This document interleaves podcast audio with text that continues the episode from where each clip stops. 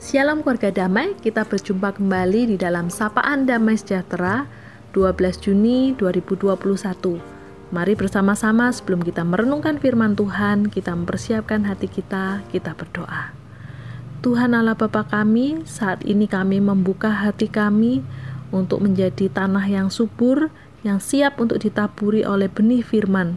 Biarlah benih firman sungguh boleh tertanam dan bertumbuh di dalam hati kami saat ini kami membuka hati kami untuk siap mendengar dan ditaburi oleh benih firman. Di dalam nama Tuhan Yesus kami berdoa. Amin. Keluarga damai, bacaan kita pada hari ini diambil dari Markus 4 ayat 1 hingga ayat yang ke-20. Namun saya akan membacakan beberapa bagian ayat saja. Markus 4 ayat yang ke-10. Ketika ia sendirian, Pengikut-pengikutnya dan kedua belas murid itu menanyakan dia tentang perumpamaan itu. Jawabnya, Kepadamu telah diberikan rahasia kerajaan Allah, tetapi kepada orang-orang luar segala sesuatu disampaikan dalam perumpamaan, supaya sekalipun melihat mereka tidak menanggap, sekalipun mendengar mereka tidak mengerti, supaya mereka jangan berbalik dan mendapat ampun. Ayat yang ke-14 Penabur itu menaburkan firman. Ayat yang ke-20. Dan akhirnya yang ditaburkan di tanah yang baik ialah orang yang mendengar dan menyambut firman itu lalu berbuah. Ada yang 30 kali lipat, ada yang 60 kali lipat, dan ada yang 100 kali lipat. Keluarga damai, demikianlah bacaan firman Tuhan kita pada hari ini. Keluarga damai, pernahkah Anda merenungkan apa tujuan hidup Anda ketika Anda telah diselamatkan?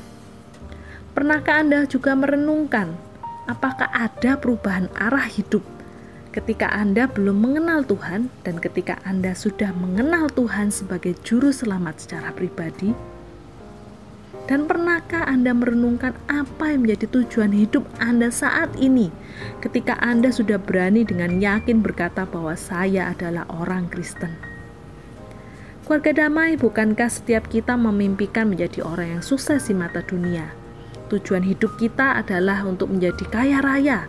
Tujuan hidup kita adalah untuk menjadi orang yang punya kedudukan yang terhormat, jenjang karir yang tinggi, juga kita memiliki keluarga yang sukses di mata masyarakat.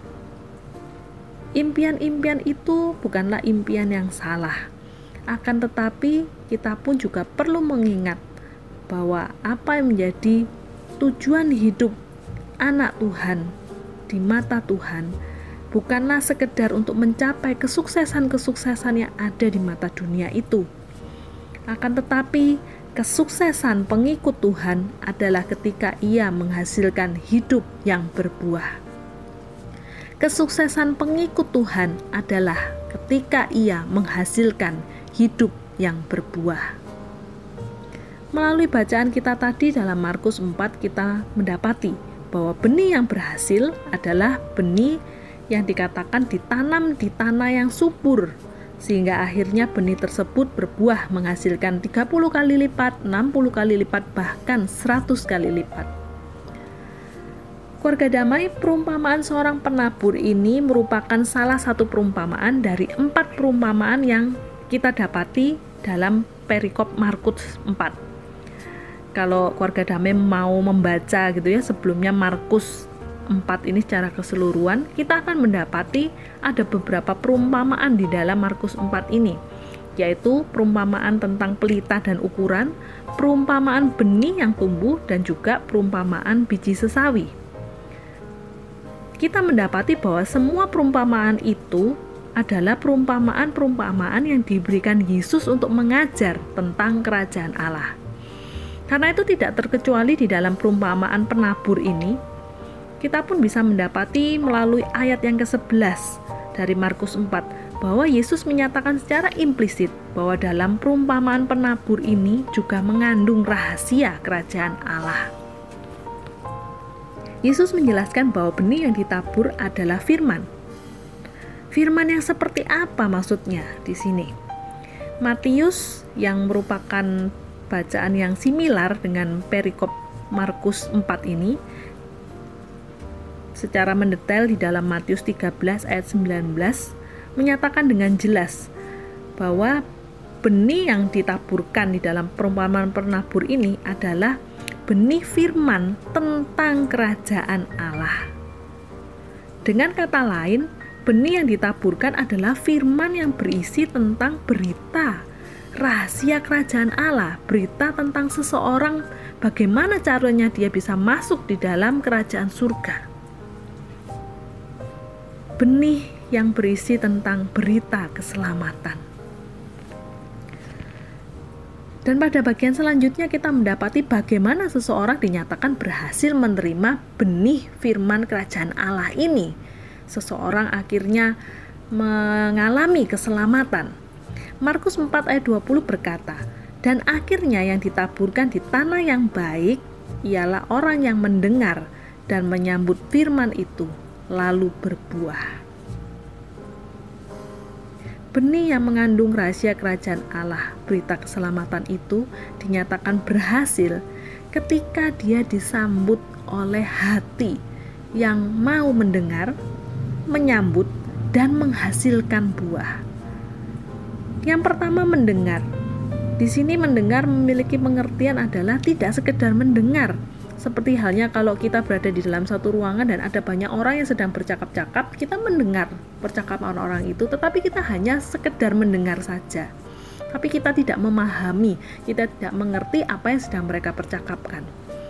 Mendengar yang di sini adalah mendengar yang benar-benar memperhatikan, benar-benar rindu untuk memahami apa yang sedang dia dengarkan.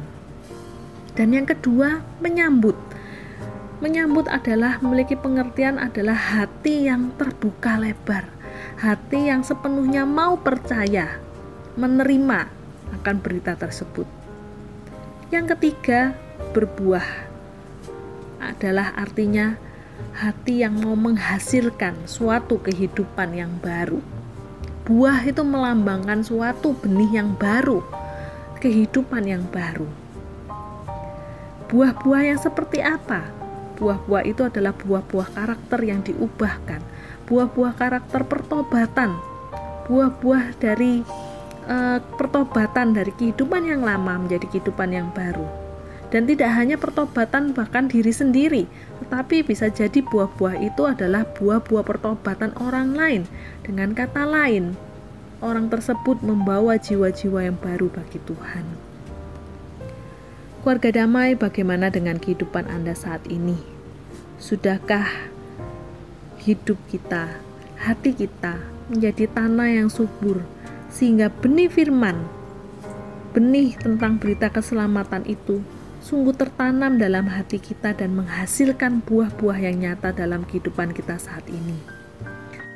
Keluarga damai, marilah kita hidup, tidak hanya sekedar mengejar kesuksesan di mata dunia, tetapi kita pun juga mau hidup untuk mengejar kesuksesan di mata Tuhan. Seringkali kita berbangga jika pekerjaan kita memberikan buah kekayaan. Kita bangga jika hasil jeripaya belajar kita menghasilkan buah prestasi. Namun pernahkah kita mau berjeri lelah untuk menghasilkan buah-buah yang menyenangkan Tuhan kita? Kiranya Tuhan memampukan hati kita untuk menjadi tanah yang subur, hati yang sungguh mau mendengar, hati yang sungguh menerima sepenuhnya berita tentang kerajaan Allah itu, sehingga pada akhirnya kita pun jadi orang-orang yang dimampukan untuk menghasilkan buah-buah yang nyata bagi Tuhan, buah-buah pertobatan dari diri kita, maupun buah-buah petobat-petobat baru bagi Tuhan kita. Amin. Mari kita kembali bersatu di dalam doa. Tuhan Allah Bapa kami, terima kasih untuk firman-Mu yang boleh kembali mengingatkan kami untuk menjadi orang-orang yang sungguh memahami arti hidup kami sebagai orang Kristen. Ketika hidup bukan hanya sekedar untuk mengejar keuntungan yang ada di dunia ini, tetapi hidup bagi kami adalah Kristus, hidup bagi kami adalah untuk menghasilkan buah.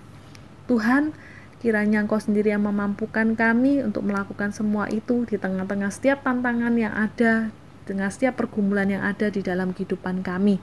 Biarlah kami tetap dapat hidup berfokus untuk mengejar satu kesuksesan yang sejati, yaitu kesuksesan di mata Tuhan, di mana hidup kami adalah hidup yang sungguh menghasilkan buah bagi Tuhan. Inilah menjadi seruan doa kami Tuhan, di dalam nama Tuhan Yesus kami berdoa. Amin.